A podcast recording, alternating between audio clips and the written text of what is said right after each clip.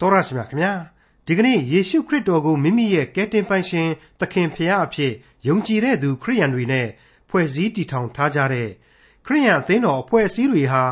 ခန္ဓာထေဝါကြီးမားလွန်းလာတဲ့ဗိမာန်တော်ဖရာကျောင်းအဆောက်အဦကြီးတွေကိုတိဆောက်ပြီးထာဝရရှင်မြတ်စွာဘုရားသခင်ကိုဝတ်ပြုကိုးကွယ်နေကြပေမဲ့လို့ဘုရားရှင်ကိုတော့ချစ်နိုင်တယ်အသင်းသူအသင်းသားအချင်းချင်းကိုတော့မချစ်နိုင်ဘူးဆိုတာမျိုးများဖြစ်နေကြပါသလား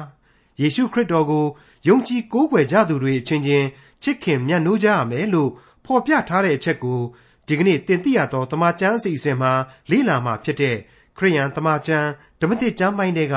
အေဖက်ဩဝါဒစာအခန်းကြီး1အခန်းငယ်15ကနေအခန်းငယ်19အထိမှာတွေ့ရမှာဖြစ်ပါတယ်။အချင်းချင်းချစ်ရမယ်လို့ပြောယုံနေမကဆူတောင်းပေးရမယ်လို့လည်းဖော်ပြထားပါတယ်။ ဆူတောင်းပေးရမယ်လို့ပြောတဲ့အခါစာသံပေသံနဲ့စကားအလှဆင်ပြီးရှေရှေလျားလျားဆူတောင်းပါမှဖះရှင်ကနားညောင်းတဲ့လားလိုအပ်တာကိုဖော်ပြပြီးသူတို့တောင်းတောင်းနဲ့ဆူတောင်းတာကိုတော့ဖះရှင်ကနားမထောင်ဘူးတဲ့လားဆူတောင်းတယ်ဆိုတာတိုသည်ဖြစ်စေရှည်သည်ဖြစ်စေဖះရှင်အပေါ်ယုံကြည်ခြင်းအပြည့်အဝနဲ့ဆူတောင်းဖို့သာအဓိကဆိုတဲ့အကြောင်းနဲ့အတူအေဖက်ဩဝါဒစာအခန်းကြီး1အခန်းငယ်15ကနေ အခန်းငယ်19အထိကိုဒေါက်တာထွန်းမြတ်အေးကအခုလိုရှင်းလင်းတင်ပြထားပါတယ်။သောတာရှင်မိတ်ဆွေအပေါင်းတို့ခမညာဖျားသခင်ရဲ့ရှေးမဆွကပင်စီရင်ပြုပြင်တော်မူသောကျေးဇူးတော်ခရစ်တော်ရဲ့အသက်အသွေးနဲ့စရေပြီးပေးဆက်ခဲ့တဲ့ကယ်တင်ခြင်းကျေးဇူးတော်တို့အကြောင်းကိုနားဆင်ခဲ့ရပြီးတဲ့နောက်တန်ရှင်းသောဝိညာဉ်တော်ဤတစိ့ခတ်နှိပ်ခြင်းခံရတဲ့အတွက်ဆက်လက်ကျေးဇူးပြုတော်မူပြန်ခြင်းဆိုတဲ့အကြောင်းတို့ကိုအေဖက်ဩဝါဒစာသင်ခန်းစာတို့အားဖြင့်ကျွန်တော်အကျယ်တွင်လေ့လာလျက်ရှိနေကြပါတယ် ဒီကနေ့ဒီအချိန်မှာတော့အေဖက်ဩဝါဒစာရဲ့ကျန်တဲ့အပိုင်းတွေကိုကျွန်တော်ဆက်လက်လေ့လာသွားကြရမှာတမန်တော်ကြီးရှင်ပေါလုရဲ့ဆုတောင်းသံတို့ကိုကျွန်တော်ဒီကနေ့ကြားရတော့မှာဖြစ်ပါတယ်ကျွန်တော်ကိုအေဖက်သင်ခန်းစာအစအဦးမှာကလေးကတင်ပြခဲ့တဲ့အတိုင်းပဲဒီလိုပြုတော်မူသောကျေးဇူးတော်တို့ဟာဓမ္မသမိုင်းသစ်ကအသင်းတော်မှသည်ယနေ့မိမိတို့အသင်းတော်များစီအထိရည်ရွယ်သောကျေးဇူးတော်များဖြစ်တယ်အသင်းတော်တို့အတွက်ကြိုတင်စီရင်တော်မူခြင်း အသင်းတော်တို့အတွက်စောင့်ထိန်မဆခြင်းပေးဆက်ခြင်းများအဖြစ်ဒီဩဝါဒစာတို့ကိုကျွန်တော်တို့ကခံယူသွားကြရမှာလည်းဖြစ်ပါတယ်အခုဆက်လက်ကြားနာရမယ့်တမန်တော်ကြီးရဲ့တောင်းစုပြုခြင်းဟာလေအေဖက်အသင်းတော်အတွက်ဆုတောင်းချက်များဖြစ်နေတယ်လို့ကျွန်တော်ရဲ့ပြစ္ဆုတ်ပံအသင်းတော်များအတွက်ဆုတောင်းချက်လည်းဖြစ်တယ်လို့ကျွန်တော်ဆိုချင်ပါတယ်အခုဒါကိုစတင်နားဆင်ကြည့်ကြပါစို့အေဖက်ဩဝါဒစာအခန်းကြီး1အငယ်15နဲ့16ထို့ကြောင့်သင်တို့သည်သခင်ယေရှုကိုယုံကြည်ခြင်းနှင့် တန်ရှင်းသူအပေါင်းတို့ကိုချစ်ခြင်းအကြောင်းကိုငါသည်ကြားပြီးလျင်သင်တို့ကိုအကြောင်းပြု၍ကျေးဇူးတော်ကိုအစင်မပြတ်ချီးမွမ်းလျက်သင်တို့အဖို့အလို့ငှာဆုတောင်းပတနာပြုလျက်နေ၏မိတ်ဆွေတော်တတ်ရှင်များခမညာဒီစာရဲ့အသွားအလာနဲ့ဓမ္မသမိုင်းဖော်ပြချက်များအရာအိဖက်အသင်းတော်ဆရာဟာစံပြအသင်းတော်ကြီးဖြစ်တယ်လို့ကျွန်တော်ဖော်ပြခဲ့ပြီးပြီမေတ္တာတရားကြီးမားလှတယ်လို့ယုံကြည်ခြင်းခွန်အားလဲကောင်းမွန်တဲ့ယုံကြည်သူများရဲ့အသင်းတော်ကြီးလည်းဖြစ်နေပါလေ ခရစ်တော်ကယ်တင်ရှင်ရဲ့မေတ္တာရိပ်ကိုကောင်းစွာဖော်ပြနေတဲ့အသင်းတော်ကြီးတစ်ပါးဖြစ်တယ်မေတ္တာတော်အလင်းကိုကမ္ဘာလောကအတွင်းမှာထွန်းလင်းထင်ရှားစေတဲ့အသင်းတော်ကြီးဖြစ်တယ်ကနဦးအသင်းတော်တွေရဲ့ထိတ်တန်းအသင်းတော်ကြီးဖြစ်ခဲ့တယ်ဆိုတာကိုဗျာဒိတ်ကျမ်းဖော်ပြချက်များအရာလေကျွန်တော်တို့ကောက်ချက်ချနိုင်ကြမှာဖြစ်ပါတယ်မိတ်ဆွေအပေါင်းတို့ဆုတောင်းတယ်လို့တမန်တော်ကြီးကဖော်ပြလိုက်တဲ့နေရာမှာဆုတောင်းတာရဲ့အကြောင်းကိုစဉ်းစားလိုက်ရင်ဆုတောင်းခြင်းဆိုတာဟာအလွန်တရာနှစ်လိုပွဲကောင်းတဲ့အမှု ဖျားသခင်နှစ်သက်စုံမဲ့တော်မူသောအမှုဆိုတာကိုဘယ်လို့မှကျွန်တော်တို့မငြင်းနိုင်ပါဘူးဒါပေမဲ့ကျွန်တော်တို့ရဲ့ဆုတောင်းမှုတို့ရဲ့အခြေခံအကြောင်းတွေကတော့အနှုတ်လက္ခဏာအခြေအနေများမကောင်းသောအကြောင်းများသာဖြစ်တယ်လို့ကျွန်တော်ပြောမယ်ဆိုရင်ဘယ်သူကမှညှင်းနိုင်လိမ့်မယ်မထင်ပါဘူးဟုတ်ပါတယ်သေချာစဉ်းစားကြည့်ပါစိတ်မချမ်းမသာစရာတွေကြုံတွေ့လာလို့ပရိပက္ခတွေပေါ်ထွက်လာလို့မကြမ်းမမာတွေဖြစ်လာကြလို့ချစ်ချင်းမေတ္တာတို့လျော့ပါကုန်ကြလို့ရှင်းမရလောက်အောင်ပြဿနာတွေ အခြေအနေတွေရှုပ်ထွေးကုန်လို့စသည်စသဖြင့်လိုအပ်လို့ဆိုတဲ့အကြောင်းတွေကြောင့်သာလျှင်စုတွေတောင်းကြတာဟာများနေပါလေဒါကြောင့်မလို့အနှုတ်လက္ခဏာအခြေအနေများမကောင်းသောအကြောင်းများကြောင့်သာလျှင်ဖျားသခင်ကိုဆုတောင်းခြင်းဟာများနေတယ်လို့ကျွန်တော်ဆိုခြင်းပါ။ပါရတဲ့နေ့ရက်များအစဉ်ပြေတဲ့အချိန်ကာလများမှာကတော့ကျေးဇူးတော်ကြီးလိုက်တာ။ဘုရားသခင်ကောင်းကြီးတွေဟာရေတွက်လို့ကိုမကုန်နိုင်ဘူးဆိုတဲ့ရှားပြားကစကသံတွေလောက်နေတာကျေနပ်ကြတာအများကြီး။ အဲ့ဒီလိုသာကျေနပ်နေကြပြီးတော့ရှေ့တော်မှောက်မှာဒူးထောက်ခြင်းရှိခဲလာတယ်။တောင်းစုပြုခြင်းဆိုတဲ့ရင်ဖွင့်ခြင်းမျိုးလေအလွန်တရာရှားပါးလှတယ်လို့ကျွန်တော်ဆိုချင်ပါ रे ဒါဟာလူသားရဲ့သဘာဝကြတဲ့အားနည်းချက်ဖြစ်တယ်မိษွေတို့ကျွန်တော်တို့ကိုယ်တိုင်လည်းအနည်းနဲ့အများဒီအတိုင်းပဲဖြစ်နေကြလိမ့်မယ်လို့ကျွန်တော်ဆိုချင်ပါတယ်မိษွေအပေါင်းတို့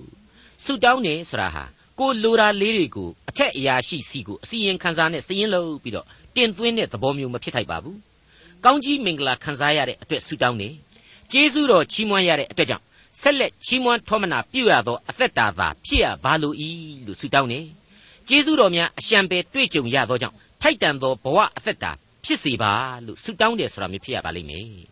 အဲ့ဒါနဲ့ပတ်သက်ပြီးတော့လေလွတ်လပ်စွာတွေးခေါ်တဲ့အဖွဲ့အစည်းဆိုတဲ့အဖွဲ့တစ်ခုကနေပြီးတော့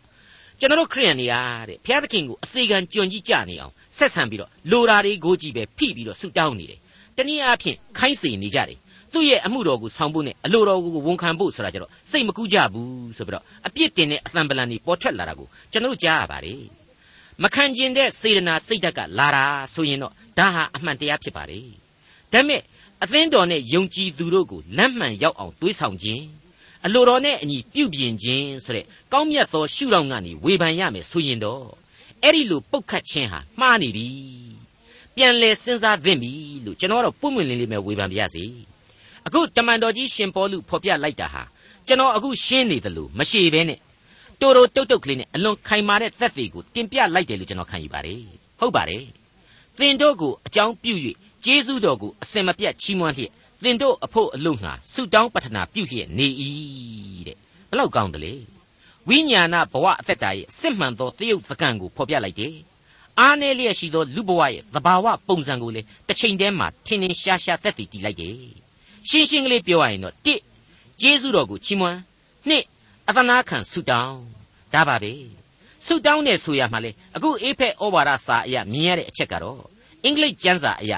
making mention of you ဆိုတာကိုတွေ့ရပါတယ်တဦးချင်းအတွက်အမိဖော်ပြဆုတောင်းခြင်းဖြစ်တယ်ဆိုတဲ့အလေးအနက်ထားမှုကိုတွေ့ရပါတယ်ဒီနေရာမှာကျွန်တော်ကတော့နှုတ်ကပတ်တော်ကပြောသောသမိုင်းအဖြေတို့အရတမန်တော်ကြီးရှင်ပေါလုဟာထိတ်တန်းတမန်တော်ကြီးဖြစ်တယ် ထိတ်တန်းဥပစ္စေဆရာဖြစ်တယ်ခရစ်တော်ရဲ့လောကအသက်တာပုံစံများကိုအများဆုံးတရုပ်ဆောင်ပြသွားနိုင်သူလူသားကြီးတစ်ယောက်ဖြစ်ခဲ့တယ်လို့ပွင့်ပွင့်လင်းလင်းခံယူမိပါတယ်ခရစ်တော်ကိုသွားရောက်ထောက်လှမ်းပြီးတော့ဖမ်းဖို့စီးဖို့ထွက်သွားတဲ့ဣသရေလယစ်ပရောဟိတ်နဲ့ဖာရိရှဲခေါင်းဆောင်ပိုင်းရဲ့မင်းလူလင်ကလေးတွေကနေပြီးတော့ခရစ်တော်ကိုလုံးဝမဖမ်းကြမစီးကြပဲပြန်လာပြီးတော့သူတို့ရဲ့သခင်အာနာပိုင်တွေကိုဘယ်လိုပြောခဲ့သလဲဆိုတာကိုရှင်ယောဟန်ခရစ်ဝင်ကျမ်းအခန်းကြီး9 အငယ်45နဲ့46မှာကျွန်တော်တို့အခုလိုတွေ့နိုင်ပါတယ်ထိုအခါမင်းလူလင်တို့သည်ယစ်ပရောဟိတ်အကြီးဖာရိရှဲတို့ထံသို့ပြန်လာ၍ထိုမင်းတို့ကအဘယ်ကြောင့်သူ့ကိုမဆောင်ခဲ့ကြသနည်းဟုမေးမြန်းလျင်မင်းလူလင်တို့ကထိုသူဟောပြောတဲ့ကဲ့သို့အဘယ်သူမျှမဟောစဖူးပါဟုရှောက်ကြ၏တဲ့ဟုတ်ပါတယ်ခရစ်တော်ကဲ့သို့အဘယ်လူသားမှမဟောပြောနိုင်ပါဘူးသစ္စာတရားတို့ကိုလည်းအဘယ်လူသားမှမဖော်ပြနိုင်ပါဘူးတနည်းအားဖြင့်သူ့ခြေပြားကိုဘယ်လူသားကမှမမှီနိုင်ပါဘူး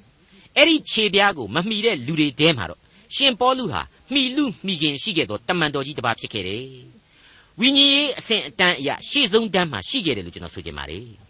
တမန်တော်ကြီးကလည်းဖြစ်ပြန်သမားတော်ဆရာဝန်ကြီးလည်းဖြစ်ပြန်စာရေးဆရာကြီးလို့လည်းဆိုနိုင်တဲ့တမန်တော်ကြီးရှင်လုကာဟာတမန်တော်ဝတ္ထုတွေထဲမှာအေဖက်အသင်းတော်နဲ့ရှင်ပေါလုတို့ဟာဘလောက်ထိတန်ရောစဉ်ကြီးမားခဲ့တယ်အချင်းချင်းမေတ္တာတရားဘလောက်ထိကြီးမားခဲ့တယ်တန်ရောစဉ်ရှိခဲ့တယ်ဆိုတာကိုတ မန်တော်ဝတ္ထုထဲမှာအခုလိုမှတ်တမ်းတင်ထားခဲ့ပါတယ်တမန်တော်ဝတ္ထုအခန်းကြီး20အရာအေဖက်ကိုမဝင်နိုင်တဲ့တမန်တော်ကြီးရှင်ပေါလုစီကိုမိလဲဆိုတဲ့စိတ်ကမ်းမြို့ကလေးမှာအေဖက်အသင်းတော်ကခေါင်းဆောင်ပိုင်းတွေဟာသွားရောက်တွေ့ဆုံနှုတ်ဆက်ခဲ့ကြတယ်အဲ့ဒီခေါင်းဆောင်တွေနဲ့တွေ့ဆုံခြင်းအဆုံးအမတွေနဲ့အဖြစ်အပျက်တွေဟာမမေ့နိုင်လောက်เสียပဲရင်သိမ့်တုံပွဲပဲလို့ကျွန်တော်ဆိုချင်ပါတယ်ဒါတွေကိုအမှတ်တရပြန်ပြီးရှိစေဖို့ရန်အတွက်တမန်တော်ဝတ္ထုအခန်းကြီး20အငယ်28ကနေ38အဆုံးအထိ ဘယ်လိုဖော်ပြထားတယ်ဆိုတာကိုကျွန်တော်တကြော့ပြန်ပြန်လည်တင်ပြပါရစေထို့ကြောင့်သင်တို့သည်ကိုကိုသတိနှင့်ကြည့်ရှုကြလော့ဘုရားသခင်သည်မိမိအသွေးနှင့်ဝယ်တော်မူသောအသင်းတော်ကိုလှုပ်ကြွေးစေခြင်းငှာတန်ရှင်းသောဝိညာဉ်တော်သည်သင်တို့ကိုအအုပ်အချုပ်ခံထားတော်မူသောသိုးစုတစုလုံးကိုလည်းသတိနှင့်ကြည့်ရှုကြလော့အကြောင်းမူကားငါမရှိသည့်နောက်ကြမ်းတမ်းသောတောခွေးတို့သည်သိုးများကိုမသနာဘဲသင်တို့အထဲသို့ဝင်မြည်ကို၎င်းတပည့်တော်များကိုသွေးဆောင်ခြင်းဟာ မှားသောစကားကိုပြောတတ်သောလူတို့သည်သင်တို့အထဲ၌လေပေါ်လာမည်ကို၎င်းငါသိ၏ထို့ကြောင့်စောင့်ရှောက်၍နေကြလော့ငါသည်သုံးနှစ်ပတ်လုံးနေညမပြတ်လူအပေါင်းတို့ကိုမျက်ရည်နှင့်တကွဆုံးမ၍နေကြောင်းကိုအောက်မေ့ကြလော့ညီအကိုတို့ယခုငါသည်သင်တို့ကိုဖျားသခင်၌အနှံ့၏သင်တို့ကိုတိဆောက်ခြင်းငှာ၎င်းတန်ရှင်းသောသူအပေါင်းတို့နှင့်အတူသင်တို့အားအမွေပေးခြင်းငှာ၎င်းတတ်နိုင်သောဘုရားသခင်၏ကျေးဇူးတော်တရား၌လေ သင်တို့ကိုငါအပ်နှံ၏သူရွှေငွေအဝတ်တစားတို့ကိုငါသည်တတ်မဲ့ခြင်းမရှိပြီဤလက်တို့သည်ငါကို၎င်းငါအပေါင်းအဖော်တို့ကို၎င်းလှုပ်ကြွေးပြီးဟုသင်တို့သည်ကိုယ်တိုင်သိကြ၏ထို့သောသင်တို့သည်လည်းအလုတ်လုတ်၍အားနေသောသူတို့ကိုမဆရမည်ကို၎င်းအစွန့်အကျဲခံခြင်းအရာတဲ့စွန့်ကြဲခြင်းအရာသည်သာ၍မင်္ဂလာရှိသည်ဟုသခင်ယေရှုမိန့်တော်မူသောစကားတော်ကိုအောက်မေ့ရမည်ကို၎င်းအရာရာ၌သင်တို့အားငါပြသပြီဟုပေါလုဆိုပြီးလျှင် ဒူးထောက်၍ထိုသူအပေါင်းတို့နှင့်တကွဆုတောင်းလေ၏ထိုသူအပေါင်းတို့သည်အလွန်ငိုကြွေး၍ပေါလု၏လေပင်ကိုဖက်ယမ်းလျက်သူ့ကိုနမ်းကြ၏နောက်တဖန်သူ၏မျက်နှာကိုမမြင်ရဟုသောစကားကြောင့်သာ၍ကြေကွဲသောစိတ်နှင့်ပေါလုကိုသင်္ဘောသို့ပို့လိုက်ကြ၏မိษွေအပေါင်းတို့ဒီအချက်တွေမှာကျွန်တော်ကအခုလိုပြန်ပြီးဖတ်ပြလိုက်တော့မိษွေတို့ဂယုပြုရမှာကတော့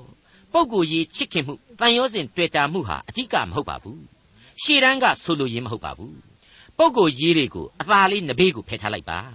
ဒီအသင်းတော်ဟာသူတို့ရဲ့တမန်တော်ဆိုတဲ့လူတစ်ယောက်ကိုဘလောက်ချစ်တယ်လဲဆိုတာတဲ့သူတို့ရဲ့ဖျားသခင်ကိုဘလောက်ချစ်တယ်လဲနှုတ်ကပတ်တော်အတိုင်းဘလောက်အထိကျင့်ဆောင်တယ်လဲဆိုတဲ့အချက်သာဖြစ်ပါတယ်ကယ်တင်ရှင်သခင်ခရစ်တော်၌ဘလောက်အထိတလုံးတဝတည်းရှိကြတယ်လဲဆိုတဲ့အချက်သာဖြစ်ပါတယ်အိဖက်အသင်းတော်နဲ့ပတ်သက်လို့ကောင်းတဲ့ဆိုတာကိုလည်းဒီကျမ်းမှာမြင်နေရပါတယ်သင်တို့ယုံကြည်ခြင်းနှ င့်သင်တို့ဤချစ်ချင်းအကြောင်းတွေကိုငါကြားရပါတယ်တဲ့တမန်တော်ကြီးဖော်ပြလိုက်တယ်ဟုတ်ပါတယ်တမန်တော်ကြီးရှင်ပေါလုဟာအေဖက်အသင်းတော်အတွက်ကျေးဇူးတော်ကိုချီးမွမ်းရလောက်အောင်အေဖက်အသင်းတော်ဟာချီးမွမ်းတိုက်တဲ့ဝိညာဉ်ရေးတတ္တိရှိခဲ့လိမ့်မယ်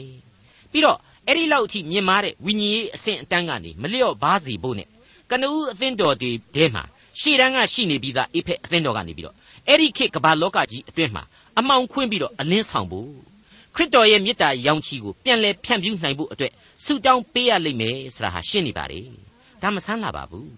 ကျေးဇူးတော်ကိုခံရသောအဖွဲ့အစည်းနဲ့လူပုဂ္ဂိုလ်တဦးချင်းတို့ဟာကျေးဇူးတရားနဲ့ထိုက်တန်တဲ့လက်တွေ့အလုပ်များကိုလှုပ်ဆောင်ပေးသွားကြရမှာဧကန်အမှန်သာဖြစ်ပါတယ်ဒါဟာယုံကြည်သူတို့ရဲ့သဘောတဘာဝတမန်တော်ကြီးရှင်ပေါလုအကြောင်းကိုတွေးမိတဲ့အခါကျတော့ရှေးကာလဓမ္မသမိုင်းအတွင်းကကိုကျိုးကိုအကျွင့်မဲ့စွန့်ပြီးတော့လူမျိုးတော်ကိုအပြစ်မပေးပါမယ်အကြောင်း အသက်ကိုဖက်နဲ့ထုတ်ပြီးတော့ဆူတောင်းပေးခဲ့တဲ့ခေါင်းဆောင်ကြီးမောရှိကိုယ့်ရဲ့ဘဝနဲ့ပတ်သက်ပြီးတော့ဘယ်တော့မှကောင်းပါတယ်တော်ပါတယ်ဆိုတာမျိုးမလုပ်ဖ ೇನೆ ခြေသုပ်ပစိုးမွေဆွဲကြိုးလို့ဆူတောင်းပတနာလည်းပြုဟာလေလုယာလို့လည်းကျေးဇူးတော်လင်္ကာများကိုမွဲ့ဆူနိုင်ခဲ့တဲ့ဒါဝိဒ်နတ်သမားတွေနတ်ပရောဟိတ်တွေဝိုင်းဝိုင်းလဲနေတဲ့ကြားထဲမှာဘုရားသခင်ရဲ့ဘုန်းတော်ကိုပြတော်မူပါဆိုပြီးတော့ဆူတောင်းခဲ့တဲ့ပရောဖက်ကြီးအေလိယနေ့စဉ်မပြတ်ဆူတောင်းပြီးတော့ရှင်သွေးတွင်းတဲကိုရောက်တာတောင်းမှယုံကြည်ခြင်းအရှင်းမပြတ်ယွင်းခဲ့လေသူ ဒံယေလာဆိုတဲ့ပုဂ္ဂိုလ်ကြီးတွေရဲ့အကြောင်းကိုလေကျွန်တော်ဒီနေရာမှာပြန်လဲအောက်မေ့ခြင်းစရာကောင်းလာတယ်လို့ကျွန်တော်ဆိုချင်ပါတယ်ဆုတောင်းခြင်းတဲ့ပြောတော့တော့ခပ်ပေါ့ပေါ့ပဲကျွန်တော်အဖို့ကတော့နှုတ်ကပတ်တော်သွန်သင်ချက်တွေအရာဒါဟာပေါ့ပေါ့ဆဆရေးလို့မပြုတ်အပ်တဲ့ဝတ်ဆိုတာကိုသိနိုင်ပါတယ်မယုံရင်ရှင်လုကာခရစ်ဝင်ကျမ်းအခန်းကြီး7အငယ်1မှာလဲကျွန်တော်တို့ပြန်ကြည့်ရင်အခုလိုတွေ့နိုင်အောင်မှာပါတယံရောအခါကိုတော်သည်တစုံတစ်ခုသောအရက်တွင်ဆုတောင်းတော်မူ၍ပြီးလျင် တပည့်တော်တယောက်ကသခင်ဆုတောင်းခြင်းဟာယောဟန်သည်မိမိတပည့်တို့အားနီးပေးတဲ့ကဲ့သို့အကျွန်ုပ်တို့အားနီးပေးတော်မူပါဒီတော့ဆုတောင်းခြင်းဆိုတာဟာဘလောက်အထိအရေးကြီးတယ်ဆိုတာကိုခရစ်တော်ရဲ့သက်တော်စဉ်ခရစ်တော်ပြသခဲ့သောဥပမာတော်ခရစ်တော်ရဲ့ဩဝါဒများအားဖြင့်ကျွန်တော်တို့ကောင်းကောင်းကြီးသဘောပေါက်နိုင်ပါလိမ့်မယ်အဲ့ဒီအချိန်ကာလမှာခရစ်တော်ဟာဒီကနေ့ကျွန်တော်တို့ရွတ်ဆိုနေတဲ့ပထနာတော်ရဲ့အဓိကအချက်တွေကိုတပည့်တော်တွေကိုဆက်လက်ဖော်ပြသွားခဲ့ပါတယ် အဲ့ဒီရှင်လုကာခရစ်ဝင်ကျမ်းအခန်းကြီး7အငယ်1ကနေ4ကိုဆက်ပြီးကြည့်လိုက်မယ်ဆိုရင်ကိုတော်ကသင်တို့သည်ဆုတောင်းလျင်မွတ်ဆိုရမည်မှာကောင်းကင်ဘုံ၌ရှိတော်မူသောအကျွန်ုပ်တို့အဖာကိုတော်ဤနာမတော်အားယူသည်လေးမြတ်ခြင်းရှိပါစေသောနိုင်ငံတော်တည်ထောင်ပါစေသောအလိုတော်သည်ကောင်းကင်ဘုံ၌ပြည့်စုံတကဲ့သို့မြေကြီးပေါ်မှာပြည့်စုံပါစေသောအသက်မွေးလောက်သောအစာကိုအကျွန်ုပ်တို့အားနေ့ရက်အစဉ်အတိုင်းပေးသနာတော်မူပါအကျွန်ုပ်တို့ကိုပြစ်မှားသောသူရှိသမျှတို့၏အပြစ်ကိုအကျွန်ုပ်တို့သည်လွတ်သောကြောင့် အကျွန်ုပ်တို့၏အပြစ်များကိုလွတ်တော်မူပါအပြစ်သွေးဆောင်ရာသို့မလိုက်မပါစေဘဲမကောင်းသောအမှုအရာမှလည်းကယ်နှုတ်တော်မူပါဟုဆုတောင်းကြလော့ဟုမိန့်တော်မူ၏ဘလောက်ကောင်းတယ်လေဒါဟာကယ်တင်ရှင်သခင်ခရစ်တော်ကိုယ်တိုင်သင်ပြပေးခဲ့တဲ့ဆုတောင်းခြင်းရဲ့သဘောတဘာဝကျေးဇူးတော်ချီးမွမ်းခြင်းရှိရမယ်အလိုတော်ကိုဝန်ခံရမယ်သူတစ်ပါးရဲ့အပြစ်ကိုခွင့်လွှတ်ကြရလိမ့်မယ်ဒါအပြင်ကယ်တင်ရှင်သခင်ခရစ်တော်ဟာအဲ့ဒီကျမ်းထဲမှာပဲဆက်ပြီးတော့သင်တို့ဆုတောင်းကြပါအဖဖျားသခင်ကသင်တို့တောင်းတတဲ့ သင်တို့နဲ့ထိုက်တန်တော်လျော်ဓာရီကိုပေးသနာတော်မူလိမ့်မယ်ဆိုတာကိုအာမခံပေးလိုက်ပါတယ်ဒါဟာအထူးမှတ်တမ်းတင်ရမယ့်အချက်ကျွန်တော်ရဲ့ယင်ထဲမှာအစဉ်တစိုက်ရင်ဝယ်ပိုက်ထားရမယ့်အချက်ပါပဲမိษွေတော်တတ်ရှင်အပေါင်းတို့ခမညာအခုအေဖက်ဩဝါဒစာအရာဆိုရင်တမန်တော်ကြီးရှင်ပေါလုဟာအေဖက်အသင်းတော်အတွက်ကျေးဇူးတော်ကိုချီးမွမ်းပြီးတဲ့နောက်ဆုတောင်းပေးတယ်ဆိုတာကိုကျွန်တော်တို့တွေ့ရပါပြီသူ့ဆုတောင်းသံကိုဆက်လက်နားထောင်ကြည့်ကြပါအောင်စို့အေဖက်ဩဝါဒစာအခန်းကြီး1အငယ်16 ဆုတောင်းသောအချက်ဟူမူကား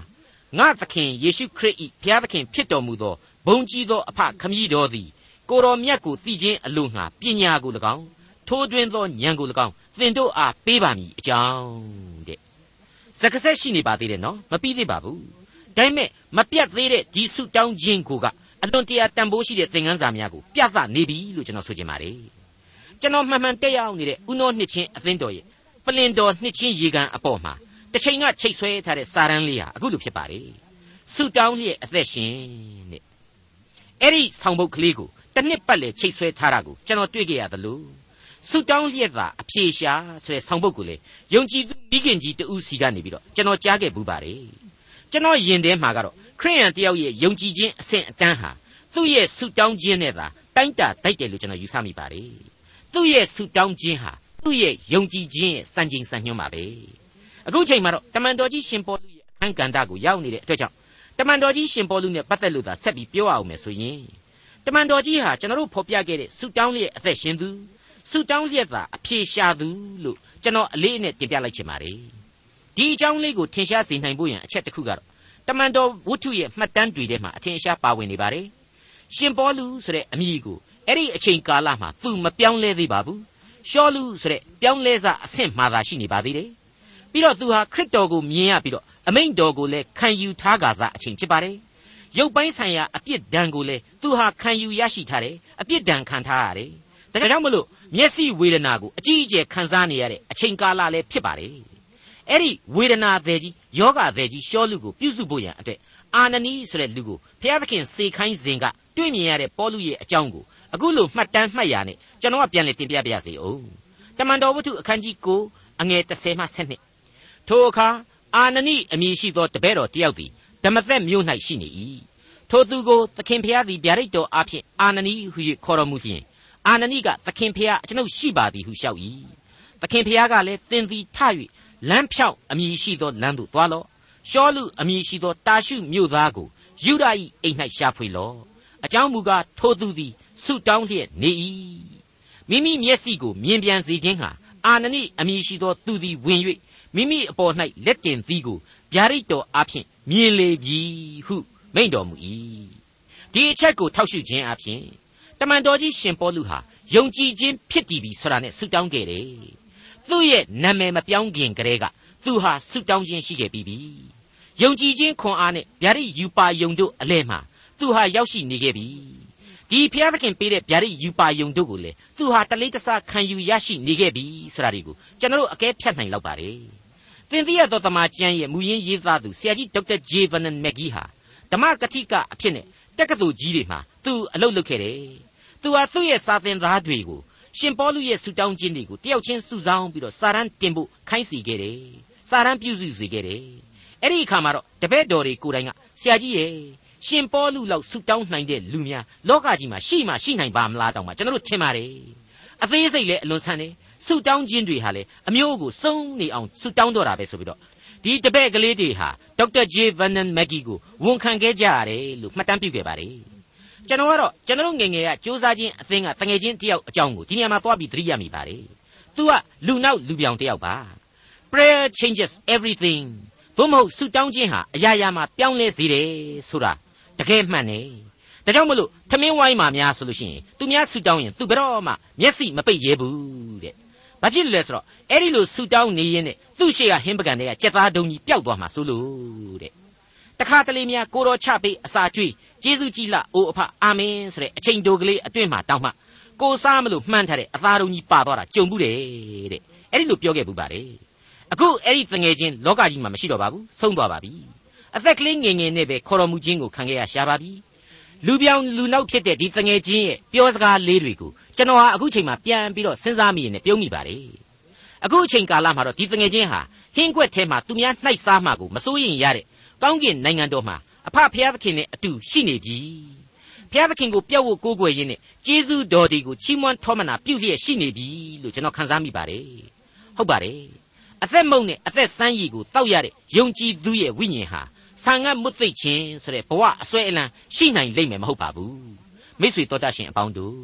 ဆူတောင်းခြင်းနဲ့ပတ်သက်တဲ့အကြောင်းအရာတွေဟာအကုန်လုံးတရသေးဆွဲကင်အပ်တယ်လို့တော့လေကျွန်တော်မဆိုချင်ပါဘူးကာလဒေသအခြေအနေအရဆူတောင်းခြင်းပုံစံတွေဟာအမျိုးမျိုးရှိနိုင်တယ်လို့ကျွန်တော်ခံယူပါတယ်ပမာအားဖြင့်ထောင်ထဲမှာရောက်နေတဲ့လူတစ်ယောက်ဆိုပါတော့သူဟာသူ့ရဲ့အခန်းချင်းကလေးထဲမှာမှောင်မိုက်ထဲမှာသူဟာတယောက်တည်းရှိနေရတယ်အဲ့ဒီလိုလူတစ်ယောက်အထက်ဆိုရင်ဘုရားသခင်စီကိုဆူတောင်းဖို့အချိန်ဟာကြာကြာပေးတင်တယ်လို့ကျွန်တော်ခံယူပါတယ်သူ့အဖို့အားလတ်နေတယ်မဟုတ်ဘူးလားအ တိတ်ကာလတစ်လျှောက်လုံးမှာဘုရားသခင်ပြုတော်မူသောကျေးဇူးတော်တွေကိုပြန်ပြီးတော့စဉ်းစားဖို့ကောင်းလာတယ်ကျေးဇူးတော်ကိုလည်းချီးမွမ်းသူ့ရဲ့ဘဝအသက်တာအနာဂတ်အတွက်လည်းအလိုတော်ကိုဝန်ခံပြီးတော့ဘုရားသခင်ရဲ့ကျေးဇူးတော်များနဲ့ထိုက်တန်တော်လျော်တဲ့အသက်တာဖြစ်ဖို့ရန်အတွက်ကိုကိုပြင်ဆင်ဖို့အနှံဖို့အချိန်ကောင်းပဲဆုတောင်းဖို့အချိန်ကောင်းပဲလို့ကျွန်တော်ယူဆမိပါတယ်ထို့အတူပါပဲဓမ္မဆရာလုပ်တဲ့လူတစ်ယောက်သူ့ရဲ့အသင်းတော်အတွက်သူဆုတောင်းနေဆိုပါတော့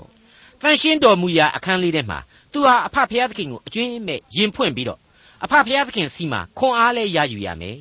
ကောင်းရာကောင်းကျိုးဆောင်ကျင်းဖို့ရန်အတွက်လေသူဟာဆုတောင်းရလိမ့်မယ်ဖျားသခင်ဒါမှသူ့ကိုခွန်အားပေးမယ်မဟုတ်ဘူးလား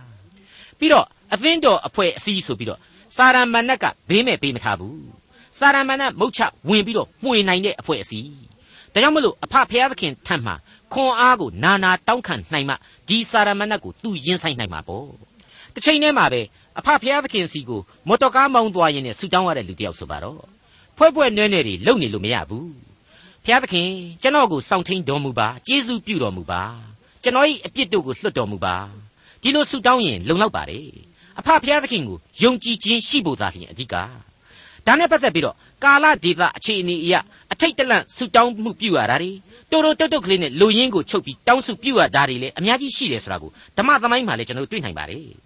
အထူးသဖြင့် နှုတ်ကပတ်တော်မှာအတိုဆုံးဆူတောင်းသံကလေးတစ်ခုရှိခဲ့ဘူးတယ်ဆိုတာကိုမိษွေတို့ကြားဘူးခဲ့ကြပါပြီတမန်တော်ကြီးရှင်ပေတရုရဲ့ဆူတောင်းသံကလေးပါညသကောင်ကျော်3နာရီလောက်ကြီးမှာဂါလိလဲအိုင်တဲကလှိုင်းတဘိုးကြီးတွေကြားထဲမှာကယ်တင်ရှင်သခင်ခရစ်တော်ဟာတပည့်တော်တွေစီကိုရှောက်သွားခဲ့တယ်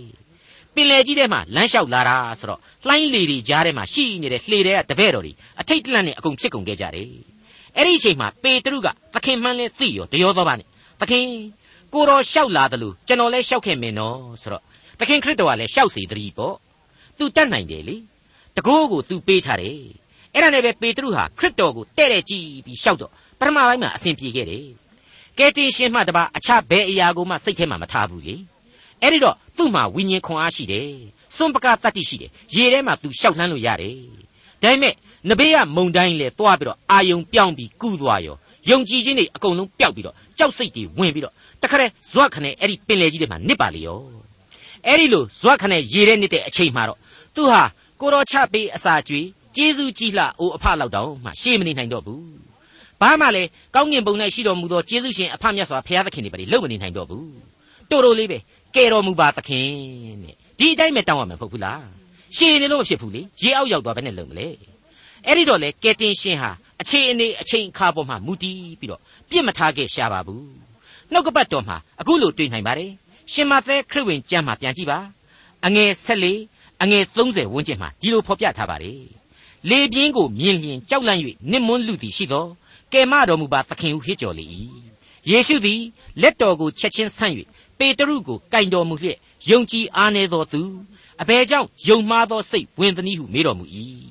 လှေပေါ်သို့ရောက်ကြလျင်လေသည်ငိမ့်လေ၏လှေသားတို့သည်ချင်းကပ်၍ စင်စစ်ကိုတော်သည်ဘုရားသခင်၏သားတော်မှန်ပါသည်ဟုညှို့ပြတ်၍ရှောက်ကြ၏မိษွေတော်တတ်ရှင်အပေါင်းတို့ခမညာအဲ့ဒီအချိန်ကာလမှာသခင်ပြောခဲ့တဲ့အရေးအကြီးဆုံးအချက်ကတော့တခြားမဟုတ်ပါဘူးယုံကြည်အားနည်းသောသူအဘယ်ကြောင့်ယုံမှားသောစိတ်ဝင်သနည်းတဲ့မိษွေတော်တတ်ရှင်အပေါင်းတို့ခမညာကယ်တင်ရှင်သခင်ခရစ်တော်ရဲ့နှုတ်တော်မှမွဲ့ဆိုခဲ့တဲ့ဒီစကားသံဒီအမိန့်ပေးသံ